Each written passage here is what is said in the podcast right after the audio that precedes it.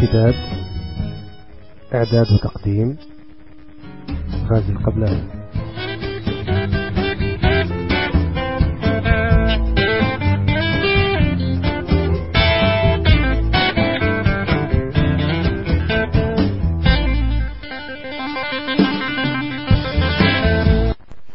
مرحبا بكم في الحلقة الثانية عشر والأخيرة للموسم الأول امتداد امتداد برنامج ثقافي متنوع يبث من لندن بواسطة تقنية البودكاستنج على الإنترنت. ستكون هذه هي الحلقة الأخيرة لهذا الموسم الأول الذي استمر بدعمكم ومقترحاتكم التي امتدت طيلة الثلاث أشهر الماضية. وأرجو أن لا تنقطع هذه المقترحات التي تهمني لننطلق في الموسم الثاني بشكل جديد ولنتفادى جميع السلبيات والهنات للموسم الأول. ومن المقرر أن نعود البث آه، من جديد مطلع شهر سبتمبر القادم. كما أن هناك مقترحا قيد الدراسة والبحث. لإطلاق نسخة إنجليزية من البودكاست ستركز على الثقافة والأدب العربي المترجم إلى الإنجليزية. وذلك بالتعاون مع أهم المؤسسات المختصة بهذا المجال في لندن. إذا وبعد شكر للجميع ننطلق بفقرات هذه الحلقة. في هذه الحلقة نقدم تجربة الفنان التشكيلي علي العباني الذي يعد من أهم الأسماء الفنية على الصعيد العربي والعالمي. ثم نقدم عرضا حصريا للرواية الأولى للكاتب الليبي بالإنجليزية هشام مطر بعنوان في بلاد الرجال In the Country of Men والتي تصدر الأسبوع المقبل عن دار النشر العالمية بينغوين وهي الرواية التي ترجمت إلى 13 لغة من بينها الإيطالية والفرنسية والأسبانية واليابانية والعبرية. وقبل البدء نستمع للرائعة أبدا السيدة فيروز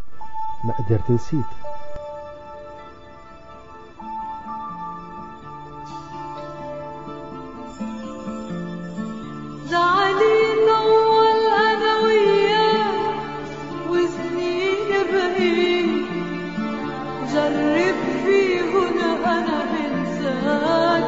ما قدرت انساك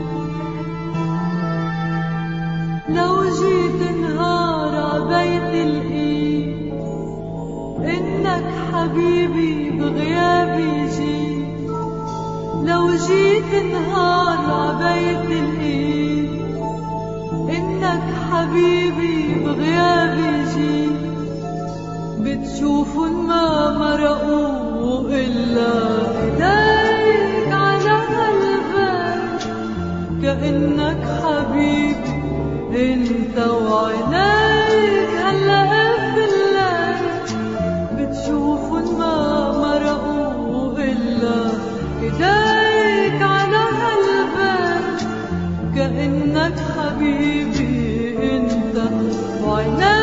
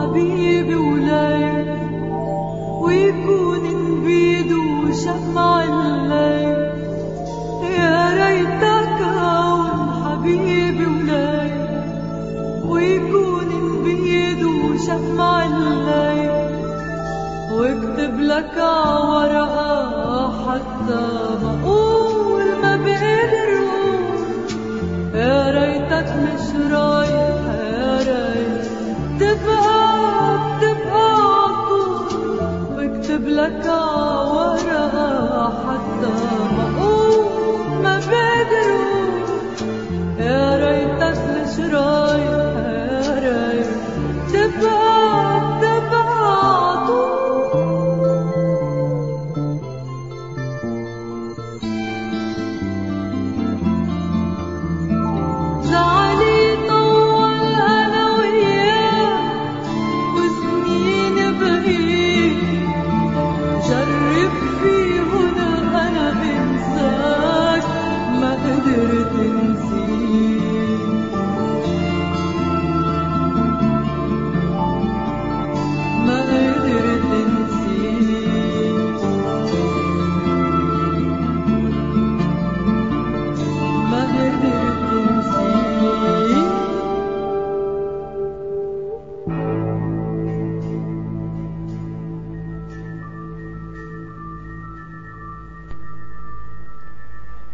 يعد الفنان التشكيلي علي العباني من أبرز الرسامين الليبيين.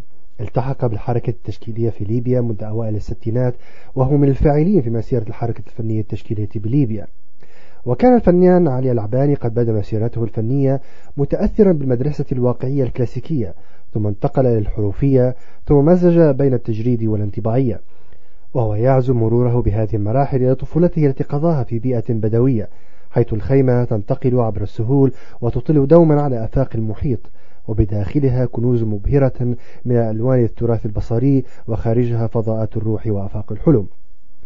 وكان لهذا أثر كبير في تكوين مخزون الذاكرة البصرية لديه فيما بعد حيث أفرزت تنوعات لألوان الموروث البصري الفني لكل المستعملات التقليدية البدوية الأصيلة ابتداء من ألوان الأطباق وانتهاء بسروج الخيل. وهذا ما كون ملامح بعض أعماله الزخرفية والتراثية مطلع السبعينات من القرن الماضي. أما المزيج الحالي الذي يمارس به أعماله الحديثة فإنه يستوحي آه، لا يستوحي الطبيعة بمعناها الجغرافي ولكن بمعناها الشعري والروحي بما تحويه من قيم الفضاء الضجيج والسكون الضوء والظل الآفاق البعيدة والقريبة الشاطئ والحلم. خالية من وجود الإنسان وفعله بحيث يشرع نافذة لنفسه كعاشق لفعل الرسم وللآخرين كمتلقين ومشاهدين.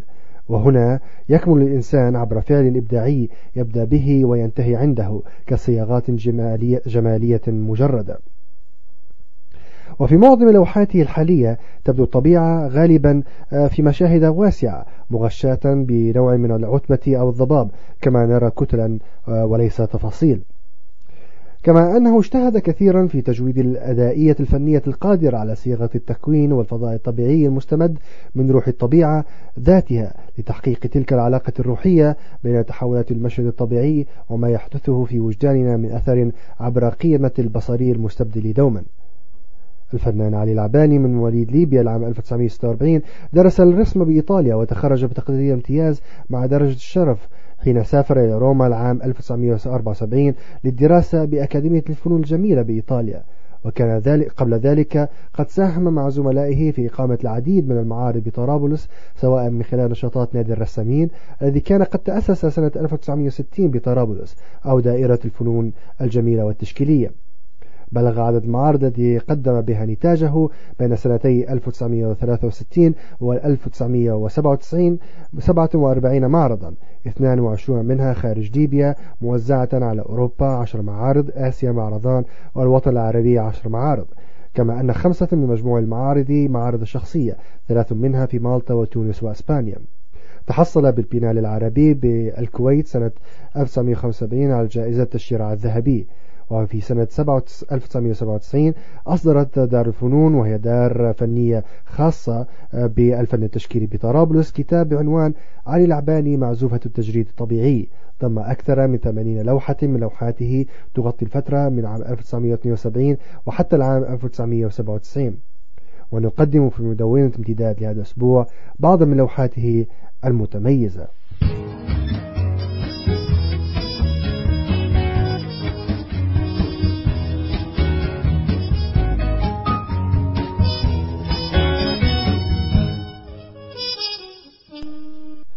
والآن مع هذه الفقرة الخاصة بعرض كتاب في بلاد الرجال وهي الرواية الأولى للكاتب الليبي بالإنجليزية هشام مطر.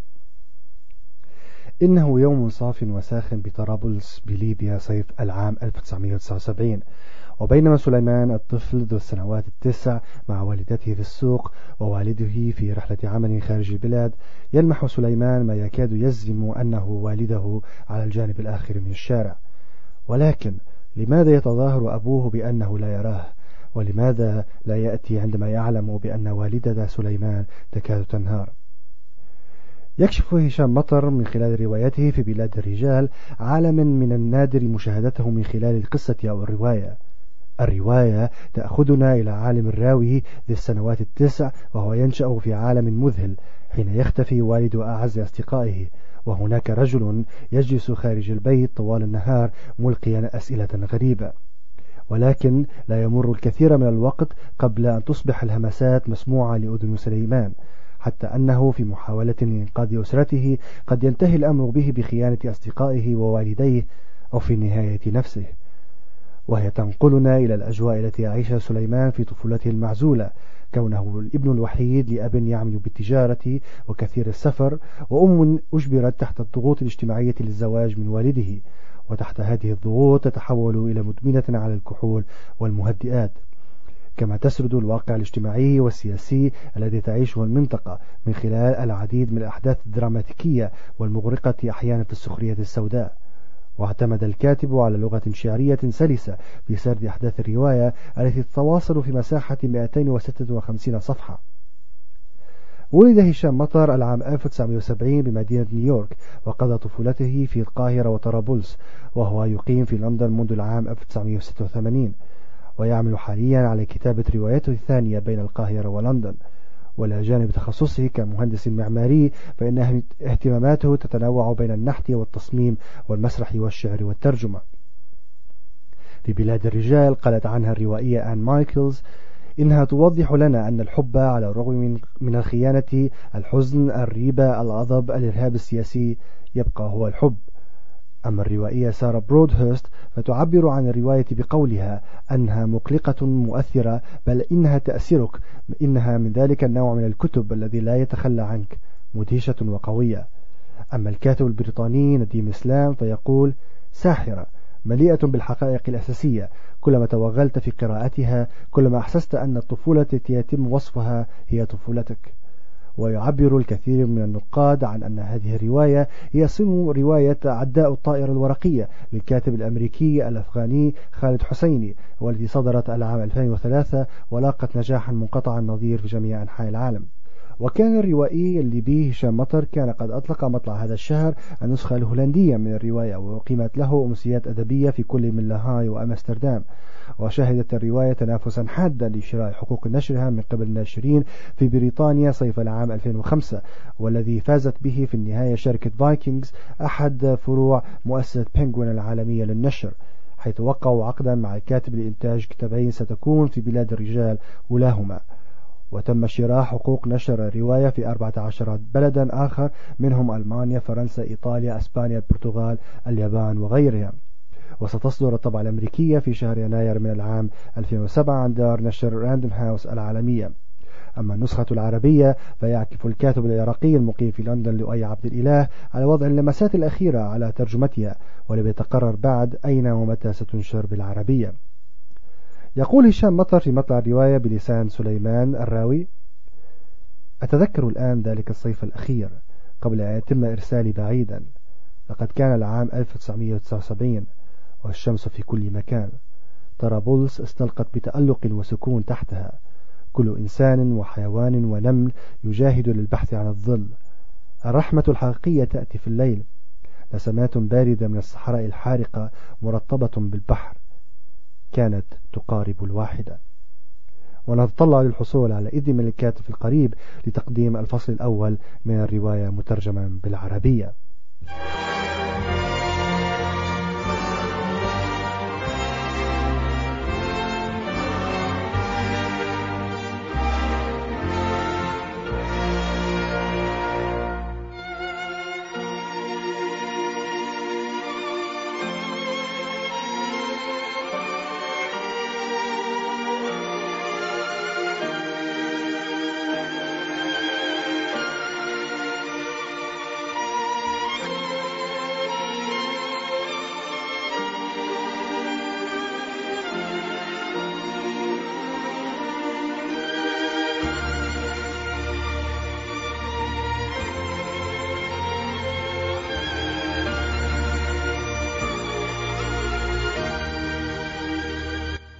ختام هذا الموسم الأول الامتداد أشكر من الأعماق الجميع على الاستماع والدعم وأتمنى أن نستمر بالتواصل عبر المدونة امتداد.blogspot.com حيث سأواصل نشر الجديد دائما فلا تذهبوا بعيدا فأنا سأبقى دائما هنا.